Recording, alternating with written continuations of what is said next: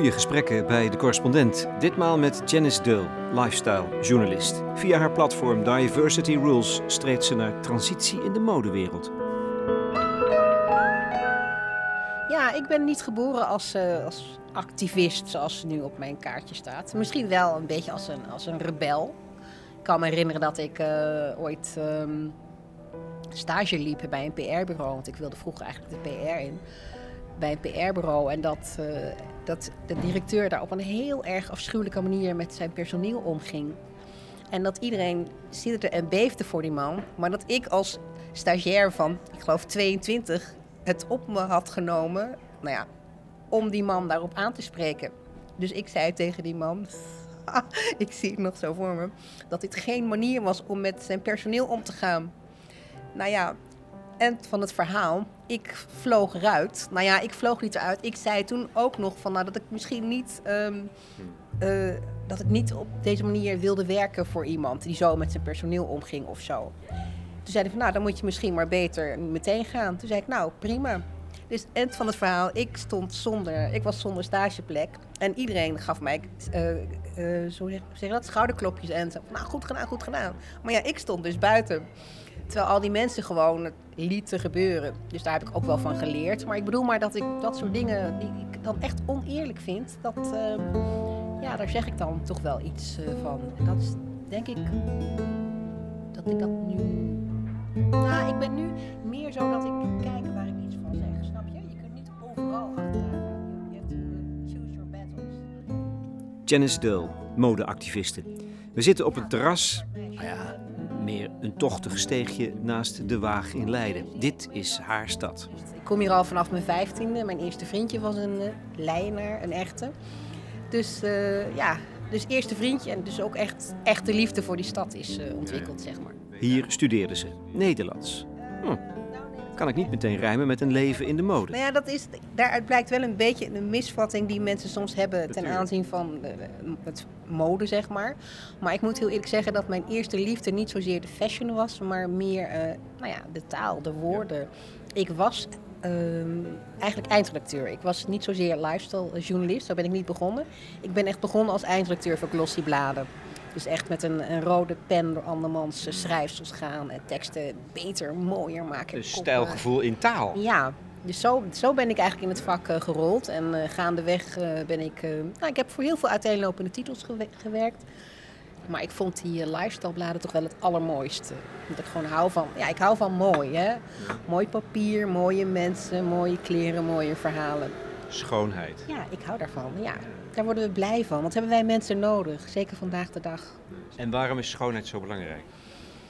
Um, voor jou? Ja, voor mij. Ik, uh, voor ons allemaal. Maar ja, um, omdat we gelukkig worden van, van schoonheid. En wat je, wat je definitie van schoonheid dan ook is. We worden blij van mooie dingen, mooie mensen, um, mooie muziek, uh, mooie kleding, noem maar op. Tenminste, ik word daar heel erg blij van. En dat zullen sommigen misschien oppervlakkig vinden. Dat is denk ik ook wat een beetje kleeft aan het hele fashion verhaal. Dat mensen denken, het is oppervlakkig, maar um, volgens mij is het ook wel heel erg menselijk. Weet je, we doen altijd alsof het, als we het toch even bij mensen houden, we doen altijd alsof schoonheid er niet toe doet. Hè? Zo van uh, beauty is only skin deep, of het gaat om het innerlijk en zo, dat soort uh, platitudes worden vaak gebezigd. Maar als je ook naar de wetenschap kijkt, dan zie je dat uh, mooie mensen, mensen die mooi gevonden worden, moet ik eigenlijk zeggen, dat die gelukkiger zijn vaak, dat die uh, meer uh, verdienen, dat die bijvoorbeeld sneller aan de bak komen. Dus het heeft ook gewoon heel veel voordelen en het doet heel veel met je.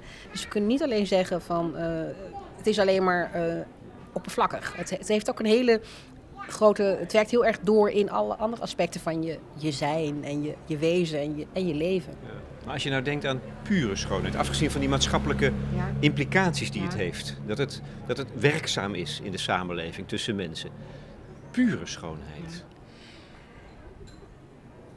Ja, dat is lastig. Wat ik echt heel mooi vind, is... Me, ik hou heel erg van woorden, zoals ik net al zei. Wat ik echt heel mooi kan vinden, is uh, gewoon zinnen en woorden. Mensen die echt dat je echt aan hun lippen hangt. Niet zozeer vanwege wat ze zeggen, maar uh, door de manier waarop ze het zeggen. En ik kan zo snel geen voorbeelden Formulering, stilistisch vermogen. Ja, en ook dat je in een, soort, uh, in een zin een soort cadans aan kunt brengen. Wat ik ook altijd probeerde als, uh, als eindredacteur, met name in mijn eigen teksten dan hoor. Dat je, soms moet het ritme van zo'n zin ook gewoon lekker. Dan moet je echt even twee woorden omwisselen of een langer of korter woord gebruiken om het mooi te laten klinken. Nou ja, dat, dat vind ik wel heel erg mooi. En dat vind ik, ja, vind ik nog steeds wel heel mooi. Wie zijn dan of waren je favoriete schrijvers? Ik heb heel lang, ja, ga je lachen, Marcellus Eemans uh, gehad. heel, heel, heel, heel, heel, heel, heel lang. Ja. Nagelaten bekentenis. Ja, fatalisme. Hè? Fatalisme. Ik hou daar, ja. ja.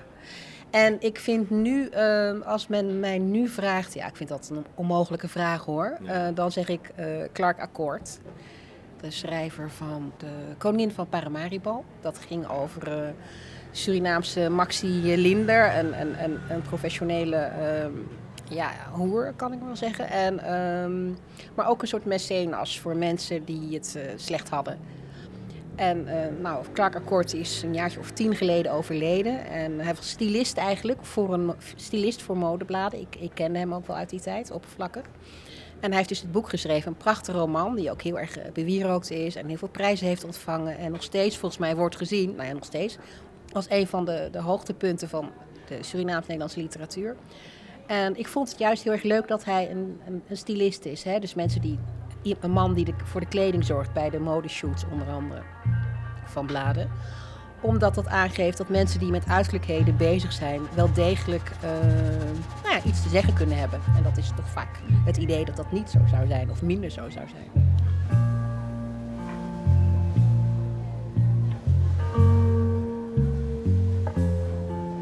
Maar als je bijvoorbeeld in de fashion kijkt, dan is het zo dat um, mooi is per definitie wit, dun, jong. En al het andere, dus nou ja, vul maar in. Uh, ouder, uh, modellen van kleur, um, plus size, plus age of modellen met een afwijkende, um, ja, zal ik het zeggen, afwijkend bodytype, die vallen daar dus buiten. En dat heeft hele verregaande maatschappelijke implicaties ook weer. Zie jij jezelf als schoonheid? Of ik mezelf mooi vind? Uh, ja, ja, en ik weet dat het nat dan is om dat te zeggen van jezelf.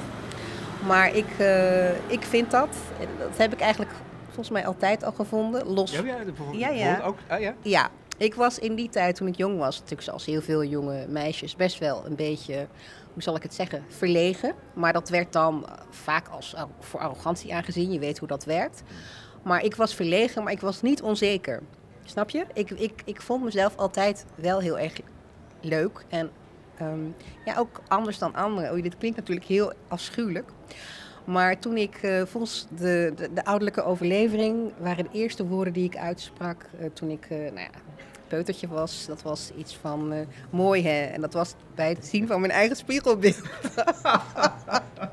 dus mijn moeder zegt altijd dat ik een heel erg gezond gevoel voor self-esteem heb gehad. Nou ja, je hebt het dus ook anders verlegen zijn, maar wel zelfvertrouwen. Je hebt daar dus ook aan dat gevoel van schoonheid zelfvertrouwen ontleend.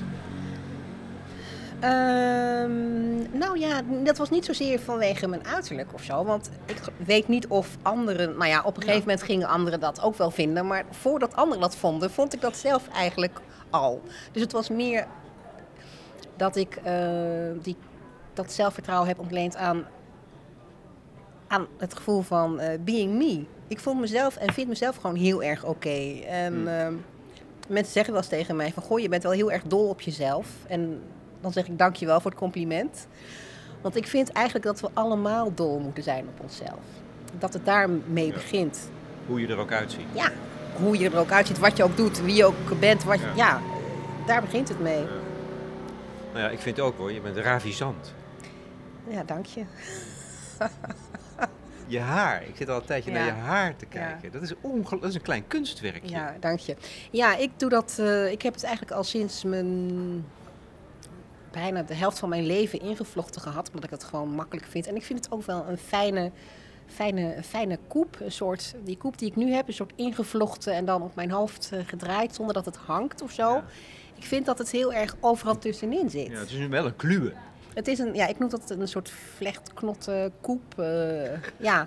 Maar ik vind dat het, het is niet specifiek vrouw of meisje, vind ik. Het is niet typisch, typische uh, vrouwenlook. En het is ook niet specifiek uh, Afrikaans of, of wat dan ook. Maar het heeft wel iets, um, um, iets Afrikaans-achtigs. Als je kijkt naar oude beelden van, um, ik meen Rwanda, geloof ik. Nou, je ziet heel veel oude haarstijlen die hierop lijken.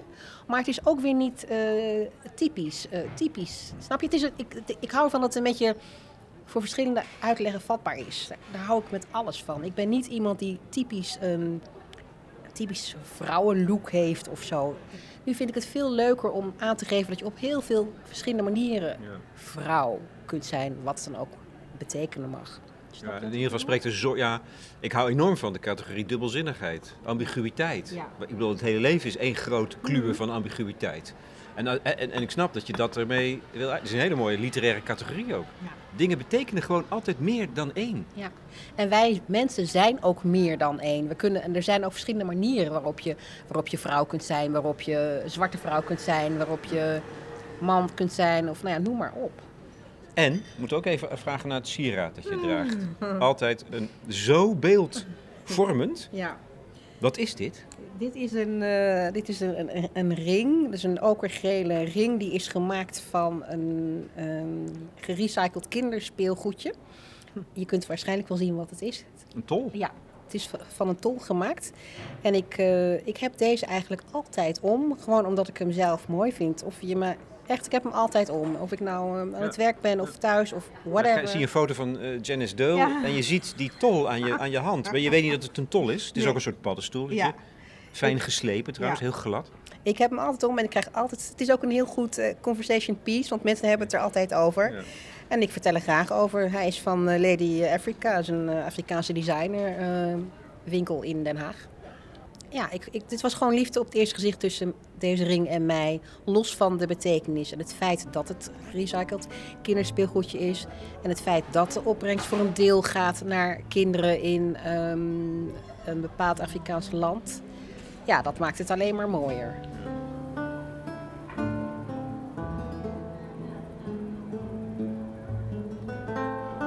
Nog één ding voor ik het vergeet. Een nagelaten bekentenis van Emans. Dat moest je lezen voor je lijst. Met nog honderd boeken. Ja. Dat noem je.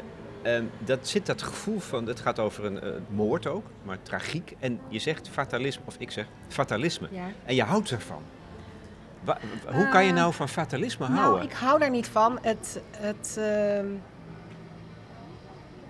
ja, het intrigeert me een beetje. Het intrigeert me heel erg. Ik, ja, in die zin hou ik er wel van. Weet je, ik hou ook van de zelfkant van het leven. Ik heb mensen die iets heel, die iets heel zwaar hebben of... Um, ja, noem maar op. Ik heb ook wel heel... Ik heb een hele periode gehad en nog wel eigenlijk dat ik... Um, altijd een connectie had met mensen die het lastig hebben, zal ik het maar even noemen. Dat die om de een of andere reden naar mij toe kwamen of dat ik met hen in gesprek raakte. En ik zal ook zelf wel, als ik iemand zie waarvan ik denk van jeetje, dan um, heel lang geleden liep hier in Leiden iemand rond en die zag eruit alsof zij, hij uit de 18e eeuw was weggelopen. Ook in een hele lange zwarte cape, heel wit geschminkt en heel ongrijpbaar, heel ondefinieerbaar qua look, qua, qua, qua gender. Ik had geen idee. En ik uh, probeerde altijd een praatje met die persoon te maken. Maar die persoon was altijd heel erg verlegen. En die lachte wel, of misschien gewoon had geen zin in mij. Lachte wel, heel vriendelijk. Maar dat soort mensen, weet je, dan heel veel mensen zullen misschien denken: wat is dat voor raar type of zo. Jij maakt contact. En ik wil heel graag weten: hey, wie is dit en waarom, wat is jouw verhaal en zo. Helaas heb ik dat nooit kunnen achterhalen van deze persoon.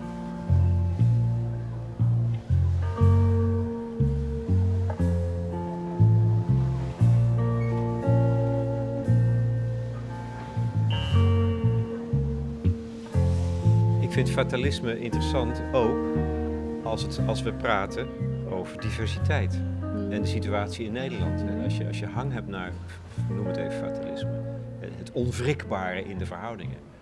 Dat is iets waar jij ook echt geen genoegen mee neemt. Nee. dat klopt. Ik heb heel lang, um, nou ja, ik ben een jaartje of 18 geleden begonnen in de, in, in, in de bladenwereld als eindredacteur, zoals ik net al zei. Sorry. En uh, toen ik daarin terecht kwam, toen was eigenlijk alles wit om me heen. En ik vond dat heel normaal. En het feit dat je ook voornamelijk, uh, nou ja, eigenlijk bijna alleen maar witte modellen op covers zag, vond ik ook heel normaal. Omdat dat was ja, omdat dat de status quo was, zeg maar. Dus ik heb heel lang gewoon ook gedacht van, nou ja, dat gaat uh, vanzelf wel over. Ik maakte me er ook niet zo druk om. Ik wilde er eigenlijk niks mee te maken hebben. Al die discussies over diversiteit en zo. Ik dacht, joh, mensen, laat mij er buiten. Zorg jullie voor jezelf, dat doe ik ook. En dan komt het uiteindelijk allemaal goed. Dat is toch opmerkelijk, of niet? Ja, dat is heel opmerkelijk, maar dat is natuurlijk... Kan je dat verklaren? Ja, dat kan ik zeker verklaren. Kijk, ik, kom, ik ben uh, lang, lang, lang geleden geboren in uh, Rotterdam. Toen Rotterdam nog geen multiculturele stad was, moet ik er even bij zeggen. Ik ben opgegroeid in Alphen aan de Rijn.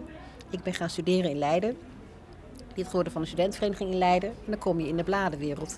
En al die werelden, of het nou padvinderij was of middelbare school, whatever die waren spierwit. Overal was ik of het eerste of het enige, meestal eigenlijk het enige uh, zwarte meisje, meisje van kleur. Dus ik vond het niet raar dat die bladenwereld ook wit was, want mijn hele wereld was natuurlijk wit uh, geweest. En ik dacht, uh, ik zag natuurlijk wel dat dat heel, dat het, dat het ontbrak aan kleur onder andere. Maar ik dacht, nou ja, dat is nou eenmaal zoals het is. Pas later ben ik me gaan realiseren, dat um, het feit dat iets is zoals het is, niet impliceert dat het ook moet blijven zoals het was. En mij zijn hier op, in deze kwestie echt de ogen geopend door, um, door een meisje dat ik een jaartje of zes geleden ontmoette. Dat is een zwart meisje. Ik, ik heb het ook over haar in mijn TED-talk. Dus dat meisje, ja, Shirella heet zij, een, een, een, een aankomend model destijds. Zij wilde heel graag model worden. Hoe oud was ze? Zij was toen begin 20, denk ik. En zij wilde heel graag model worden. En het was een beeldig meisje. Maar, vertelde zij, overal waar ik aanklop, bij alle bureaus, zeggen ze van ja, je bent beeldig en fantastisch en leuk. Maar we hebben al een zwart meisje. Dus ik dacht, uh, ja, oké, okay, je hebt één zwart meisje. Dus dat is blijkbaar dan genoeg, hè? Terwijl je bakken, kaartenbakken vol met blondines en blauwogige typjes uh, hebt. Dat dat de ja. schellen van de ogen ja. heeft doen vallen. Ja. Dat is opmerkelijk, ja. toch? Toen realiseerde ik me dat het dus niet zo is dat je iets kunt en iets wilt en er ook echt voor uh, gaat, zeg maar. Dat dat betekent dat je ook ergens aan terecht komt. Snap je? Wat ik opmerkelijk vind, is dat het zo lang geduurd heeft. Ja. Voor jou. Je weet wat je bent, wie je bent. Je Ja. bent ermee bezig. Ja. En toch heeft het twintig jaar geduurd voordat je je realiseert dat kleur uitmaakt.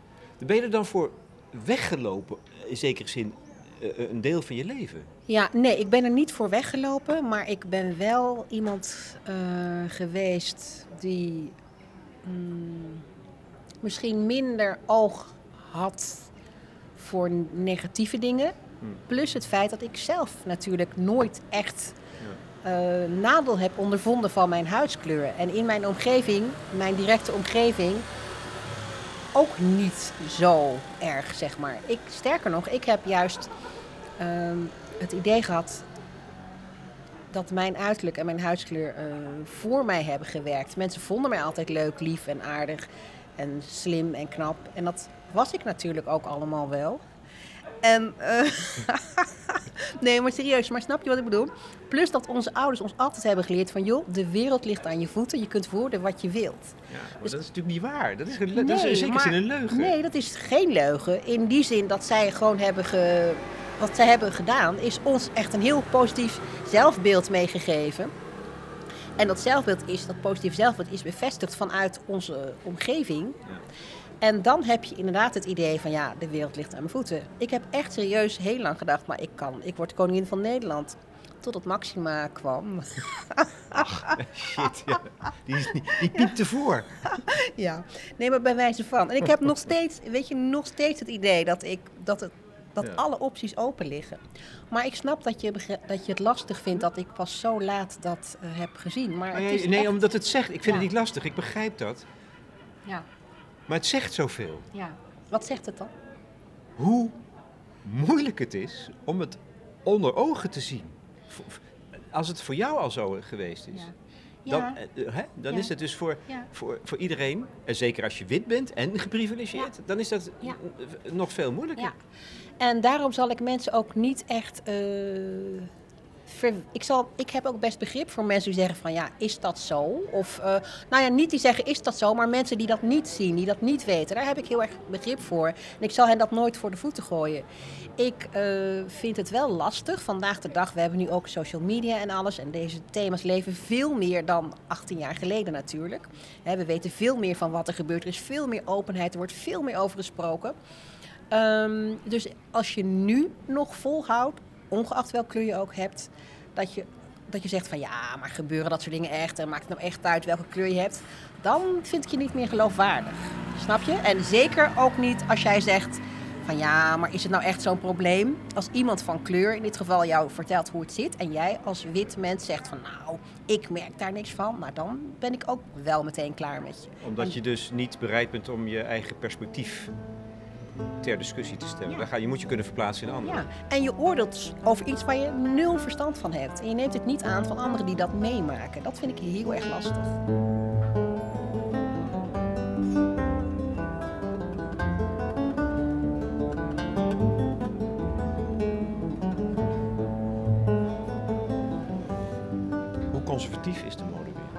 Ja, ja, inderdaad. Ik richt me op de modewereld, maar uiteindelijk gaat het natuurlijk om een inclusieve samenleving. Hè? En de, mode, de modewereld is daar onderdeel van, is onderdeel van die samenleving. Maar goed, ja, daar over de functie van mode in de samenleving wil ik het als, tot slot nog hebben. Eerst maar eens even de modewereld zelf, want daar zit je in en daar ben je bezig als activiste en daar, daar kan je ook dingen doen. Hoe conservatief is die wereld? Nou ja, uh, conservatiever dan mensen denken. Je hebt het idee, mode is, is avant-garde, is, is, loopt vooruit op de trends en alles. Maar dat valt heel erg uh, tegen. Zeker in, uh, in Nederland. Ik ben geneigd om te zeggen, het tegendeel is het geval. Het is dus aardsconservatief. In feite wel. En het, het, als je zou kijken naar... ik geloof absoluut niet dat mensen in de fashion of in de bladen ja, racistischer zijn, zeg maar, dan daarbuiten. Maar als je kijkt naar, naar, naar de output, hè, van wat je ziet in de bladen, wat je ziet in de mode, dan zou je het tegendeel kunnen geloven. En ik denk, ehm, nou ja, dat men juist heel erg behoudend is en vasthoudt aan het geëikte. Uh, weinig nieuws durft te proberen, maar ook niet zo in dit opzicht geen oog heeft voor maatschappelijke ontwikkelingen. Um, Hoe kan dat? Ja, beats me. Ik heb geen idee. Ik, heb, uh, ik zat vorig jaar in, een, uh, in, in het uh, programma Pauw, heb je misschien wel gezien, met Sil Narings van Harper's Bazaar. En met de model Jessica Jazzy hadden we het over um, het feit dat, nou ja, dat de Nederlandse modebladen zo wit zijn en blijven. En nou ja, het was eigenlijk steeds zo dat zij zei, Cecile zei steeds, ja, maar ik doe mijn best. En ik zei van ja, maar je doet niet hard genoeg je best of niet op de goede manier je best. Cecile gaf aan dat zij wel zag um, wat die noodzaak van diversiteit was. Maar heel veel andere bladen die zagen, zien die noodzaak helemaal niet. Die zien het nut er niet van in. En volgens mij komt dat ook. Dat is nu wel heel erg aan het veranderen trouwens. Ik weet niet of dat een marketing kwestie is of gewoon echt nieuw inzicht dat ze hebben gekregen. Maar volgens mij zit heel diep van binnen bij heel veel witte mensen nog het idee van um, zwart in dit geval of kleur is minder stijlvol, minder chic, minder fashionable, minder, um, ja, minder dan wit nog steeds dat, dat wit is de norm. Dat, dat is volgens minder schoonheid dus. Minder mooi. Echt, dat is minder echt. Mooi. Ja, dat is volgens mij echt. Ik vind het, het gaat wel te hard om te zeggen, maar ik denk dat dat voor heel veel mensen geldt. Maar dit is de kern, ja. volgens mij. En dan is het toch flabbergasting dat dat bij mensen het geval is die niets anders doen dan kijken naar schoonheid. Dat betekent dus dat het, dat zegt toch iets over hoe diep dat zit en hoe, hoe, hoe je daar je er niet van bewust bent. Ja. Ja, uh, zeker. En het is ook niet zo dat we niet allemaal onze voorkeuren mogen hebben. Maar ja. die moet jij, je moet je persoonlijke voorkeuren uh, terzijde kunnen schuiven. Maar je moet je jij, ervan bewust zijn, denk ik. Ja, als jij een blad maakt dat van nu is en voor... Uh, ja, snap je? Ja. Um, hoe zal ik dat zeggen? Ja, het is best wel een hele lastige kwestie. En het, again, het is aan het veranderen. Ja, want je ziet wel op covers soms, er heeft een zwart model op de Harper's Bazaar gestaan. En, ja, dus, dus je zou ook kunnen zeggen, mensen zeggen van, oh, we zijn goed bezig en het is aan het veranderen. Maar ik vraag me af hoe oppervlakkig die verandering is. Is dat een soort modige, is dat nou een modegril? Daar heb je helemaal gelijk in, want ehm, we zijn dan blij, we, ik natuurlijk ook ben blij als er een zwart model op een cover staat. Maar dat is dat ene meisje. We hebben, we hebben een zwart meisje op de cover. We hebben een, een, zwart meisje in de, in, de, in de bak zitten. Want als je gaat turven, dan is het nog echt uh, bedroevenswaardig hoe weinig je kleur ziet op covers. En dan heb ik het nog niet eens over uh, plus size of plus age uh, modellen, als we het alleen even over kleur houden. Maar um, natuurlijk ben jij niet door een zwart model op een cover te knallen. Ik heb in 2016 een opiniestuk geschreven voor NRC. En dat heette Linda moet op zwart. En daarin, had ik, uh, daarin betoog ik eigenlijk drie dingen. Natuurlijk willen we, willen we, wil ik meer modellen van kleur op covers zien. Um, maar ik wil ook dat um, redacties en hoofdredacteuren zich bemoeien in die hele diversiteitsdiscussie. Zich realiseren in hoeverre zij ook kunnen sturen hierin. Dat zij zich hier druk om maken, net zo goed als tv-bazen, krantenmensen en uh, nou, kwaliteitsmedia mensen, noem maar op. En ik wil dat het is nodig dat, um, dat die redacties een kleurpost krijgen. Je moet een stylist van kleur hebben, stylisten van kleur. Je moet journalisten van kleur, redacteuren van kleur, fotograaf van kleur. Je moet zorgen dat het, uh, diversiteit in het DNA van het blad zit. En dat is niet alleen een kwestie van een gekleurde medewerker erbij. Dat moet natuurlijk bij iedereen leven. Maar het is wel zo dat je hele team ook uh, divers moet zijn. Het is eigenlijk exact dezelfde kwestie als willekeurig welke krant of tijdschrift ja. of de correspondent of de ja. omroep in Hilversum. Ja. Allemaal geconfronteerd met dezelfde noodzaak. Ja en strategie. Want wat is dan, hè, wat kan jij betekenen als, als fashion-activiste? Wat is dan je betoog? Zeg, je moet hier nu een aantal witte mensen ontslaan en een aantal zwarte mensen nee, in dienst nemen. Nee, nee, nee hoor.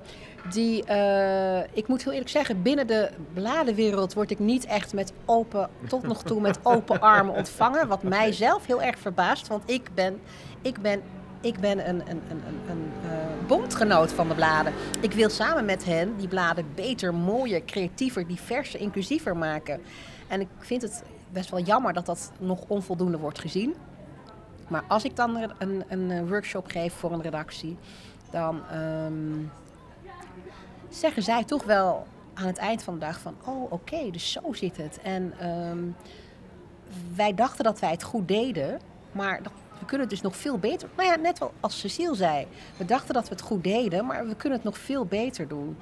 Ik laat hen op een andere manier kijken naar, uh, naar, naar, zichzelf en naar het blad, maar vooral naar zichzelf.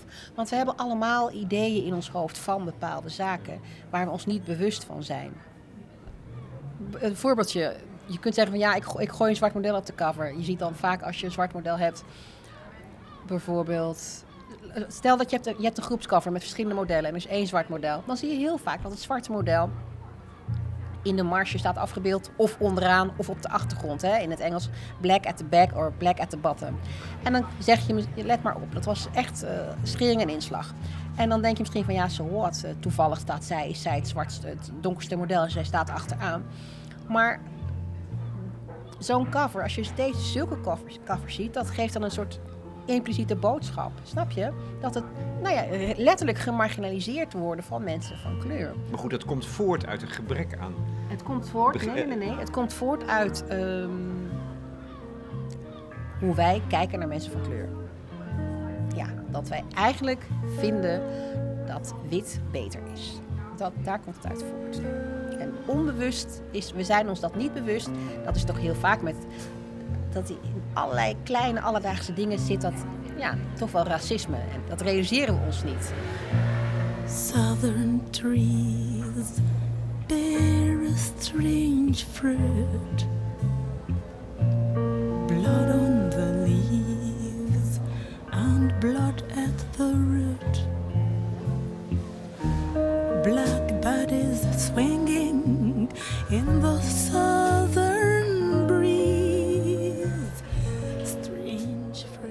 Dat is ook mijn, mijn, uh, mijn motto. Let's use the power of fashion to make society more inclusive. Um, voorbeeldje. Als je alleen maar, ik kom weer op dat standaard type, standaard beeld van schoonheid, wit, dun en jong uh, ziet in mode, opladen. Het is trouwens niet alleen zo dat je dat standaard beeld van schoonheid alleen maar in de fashion ziet. Hè? Je ziet dat ook op tv, in reclames, op billboards. En niet alleen in het Westen, maar ook in, in, uh, in andere werelddelen waar mensen er zelfs heel anders uitzien. Ook in heel veel Afrikaanse landen en in heel veel uh, Aziatische landen is, uh, geldt het motto hoe bleker, hoe beter. Dus je bent dan wel um, donker, maar als je dan lichter bent, is het, dan word je mooier en slimmer gezien. En dan krijg je ook gezien, beschouwd, en krijg je ook een betere baan. En, um, of een betere man, of uh, whatever. Dus het, het heeft ook een wereldwijde impact die de mode ontstijgt uh, eigenlijk. Ja. Dus ik je moet echt juist oog hebben voor alles wat er aan moois en fabulous zeg maar, op deze wereld rondloopt. Dus ook modellen, plusmodellen, modellen die 40, 50 of 60 uh, of 70 zijn. Want daar kun je ook schoonheid in zien? Ja, natuurlijk. Ik bedoel, fabulousness comes in all uh, colors, ages en uh, genders, zeg maar. Natuurlijk heb je nou, dat is nee, echt maar, een, ik nee, maar, nee, maar dit is dominant in onze cultuur. Ja. Dat dat niet zo is. Ja, daarom, vraag ik, daarom vraag ik er natuurlijk Ja. naar. Als jij nu denkt aan een vrouw van 50 of 60, dan eh, heb jij niet het beeld voor je van een mooie, sterke, zelfbewuste vrouw die helemaal in het hier en nu leeft. Dan denk je, dan denk je aan iets negatiefs. Hetzelfde als je bijvoorbeeld nu zou denken aan een, een vrouw met hoofddoek. Hè, wij associëren de vrouwen met, of hoofddoek altijd met eh, fundamentalisme of radicalisme of onderdrukking. Allemaal negatieve zaken op grond van wat wij krijgen voorgeschoteld via de media. Als je dan zo'n cover hebt, zoals een tijdje geleden eh, van Cosmo, het Nederlandse Cosmo, met daarop een beeldig, eh, beeldig model met hoofddoek erop, dan ehm, plaats je zo'n hoofddoek dus in een omgeving van schoonheid en van fashion.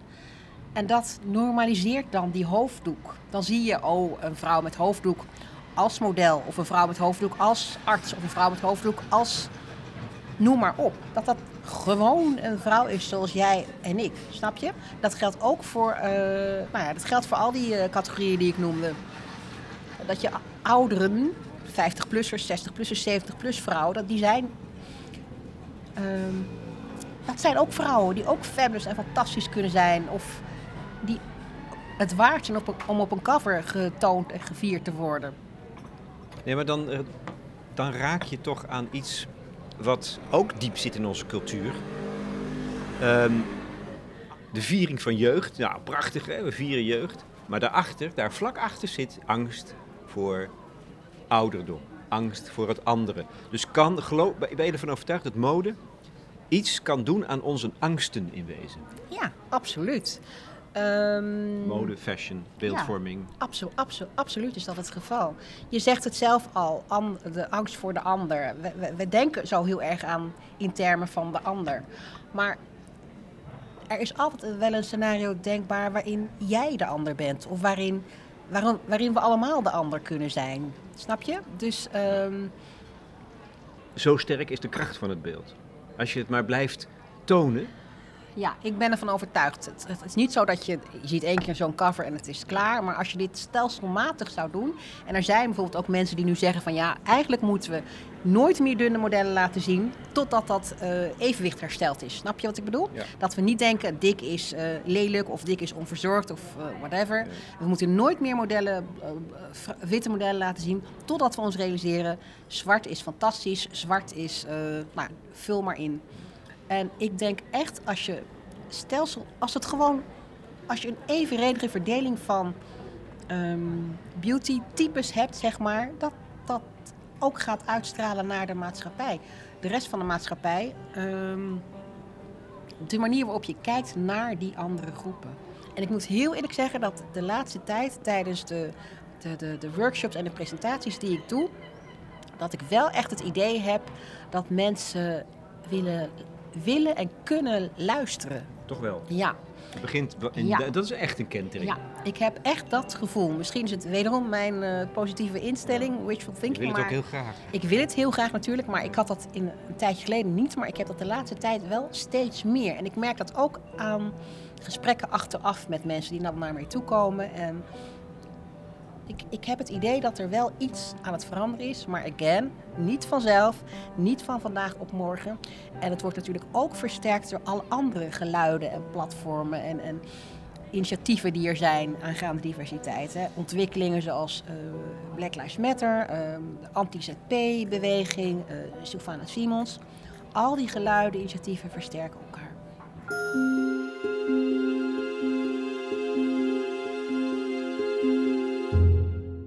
Janice Deul, modeactiviste, in gesprek met Lex Bolmeijer voor de correspondent.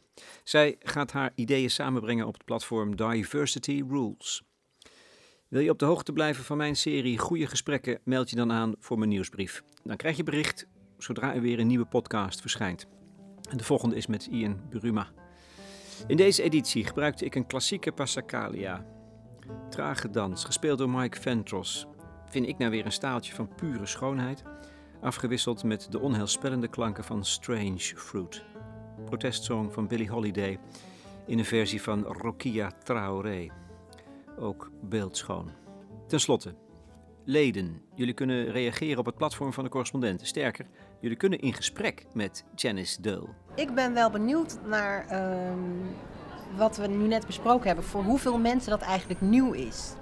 Of mensen zich dat eigenlijk wel hebben gerealiseerd. Ehm, dat dit heel erg gaande is eigenlijk in de mode en in de bladen. Daar ben ik benieuwd naar. Tot slot, uh, vind jij het leuk om ouder te worden?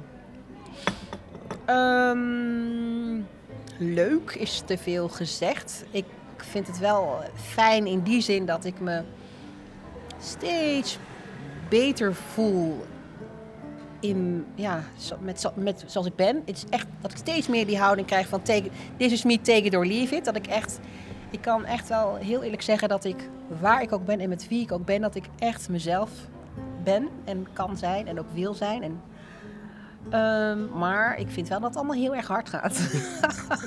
Van mij zou het een tandje minder snel mogen gaan. Ja. En naarmate je ouder wordt, mijn moeder zei dat vroeger altijd al, gaat, lijkt het alleen maar harder te gaan. Thank you.